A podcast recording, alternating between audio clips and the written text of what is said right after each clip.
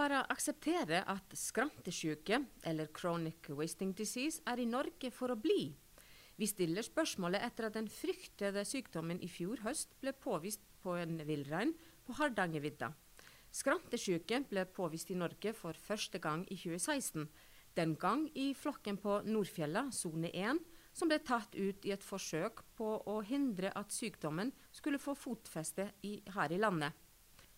Velkommen til Vettpodden, Veterinærinstituttets podkast for deg som er opptatt av god dyrehelse og velferd hos både landdyr og fisk, mattrygghet, klima og miljø. Jeg heter Brindis Holm og er kommunikasjonsrådgiver ved Veterinærinstituttet og programleder for podkasten. Gjesten min i dag er eh, seniorforsker vilthelse og CVD-koordinator ved Veterinærinstituttet, Jørn Våge. Velkommen til Vettpodden, Jørn. Takk for det. Du, jeg må bare begynne å spørre deg. Hva var det første du tenkte da skrantesyke, eller som også er uh, kalt CVD, ble påvist utenfor Nordfjellet? Ja, da ble jeg egentlig bare trist. Eh, fordi skrantesyke er en så alvorlig sykdom. Så, og med tanke på de konsekvensene som det eh, ville ha, eh, så var det den eneste følelsen. Og hvis vi går tilbake til 2016, når denne sykdommen ble påvist i Norge for første gang, og for første gang i hele verden på villrein, hvorfor var det viktig å ta ut hele villreinstammen som følge av det?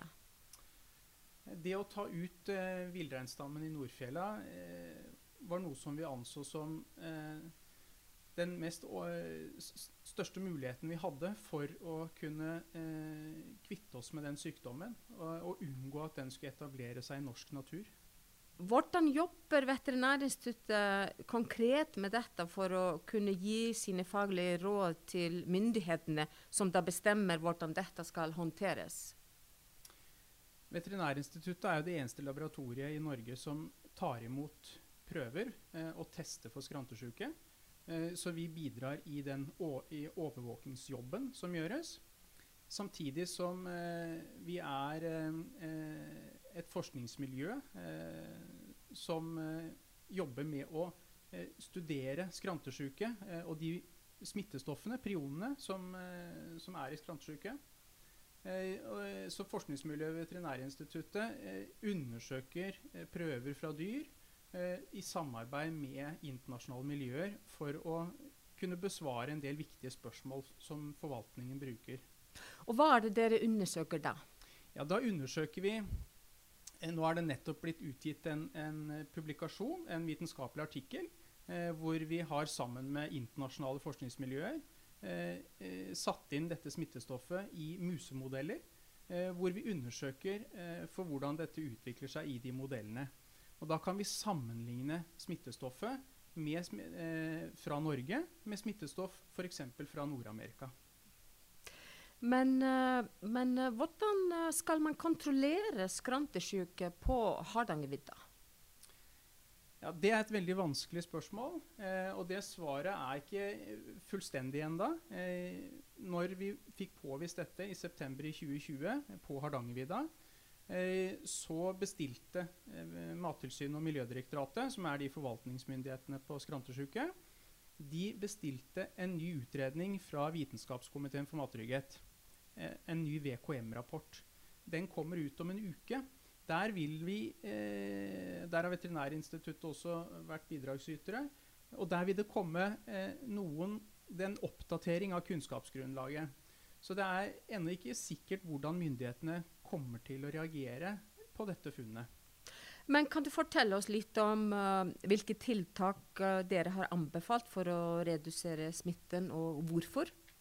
Ja, Veterinærinstituttet, når, rett etter påvisningen, eller umiddelbart uh, ved avdekkingen av smitte på Hardangervidda, så ba Mattilsynet Veterinærinstituttet om straksråd i forhold til hvordan man skulle håndtere den nye smittepåvisningen med en ny geografi. Eh, eh, Veterinærinstituttet eh, ga da råd om at man måtte forsøke å få en umiddelbar reduksjon av stammen på Hardangervidda for å redusere mulighetene for smittespredning. det var det som ble sagt helt umiddelbart. Og så eh, vil man nå, etter at VKM-rapporten kommer, eh, så vil man gå gjennom faktagrunnlaget eh, i et litt lengre perspektiv og se hva som er best egna tiltak. Men uh, hvorfor vurderer dere at uh, skrantesjuken som er funnet i ett dyr på Hardangervidda, er smittsom? Det er fordi at vi setter det i sammenheng med den, eh, sykdoms, det sykdomsutbruddet og den smitten vi fant i Nordfjella, sone 1. Eh, I Nordfjella så var det flere dyr som var smitta. Eh, og der er forståelsen vår at det er en, en, en smittsom eh, form av prionsykdom. Eh, og de funnene vi har gjort på den bukken som ble funnet på Hardangervidda, eh, er like eh, på alle diagnostiske tester eh, med det som vi fant i Nordfjella. Og Derfor så anser vi det for å være en sammenheng mellom dem, og at dette er tilsvarende eh, smittestoff. Nå har Veterinærinstituttet undersøkt over 122 000 CVD-prøver fra 2016 til dags dato. Og det er 29 positive tilfeller per i dag. Men fortsatt så vet man ikke hvor smitten kommer fra. Hvorfor ikke? Nei, Det er litt spesielt med prionsykdommene. og Det gjelder ikke bare skrantesjuke, men det gjelder prionsykdommene hos menneske og hos sau og, og storfe. Eh, så vet man ikke hvor dette har sin opprinnelse, eller når det oppsto.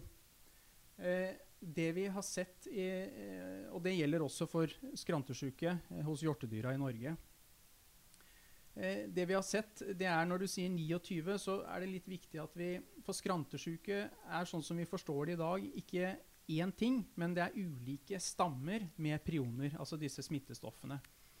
Eh, og det vi har funnet, det er at vi har eh, en form hos eh, villrein som opptrer smittsomt. Men så har vi også funnet noe hos elg eh, og hos én hjort i Norge. Det er riktignok også kommet noen elg i Sverige og eh, noen i Finland. Eh, men, og vår forståelse den er at de eh, prionene som er funnet hos elg og hos denne ene hjorten, det er en annen type som eh, per nå i hvert fall har eh, opptrådt sporadisk. At det ikke har opptrådt i en smittsom form. Eh, det gjelder også for dem at vi ikke vet opprinnelsen. Men det er litt viktig at vi eh, har forståelse for at det er eh, forskjellige typer, forskjellige stammer av smittestoffet. Jørn Våge, tusen takk for samtalen. Takk.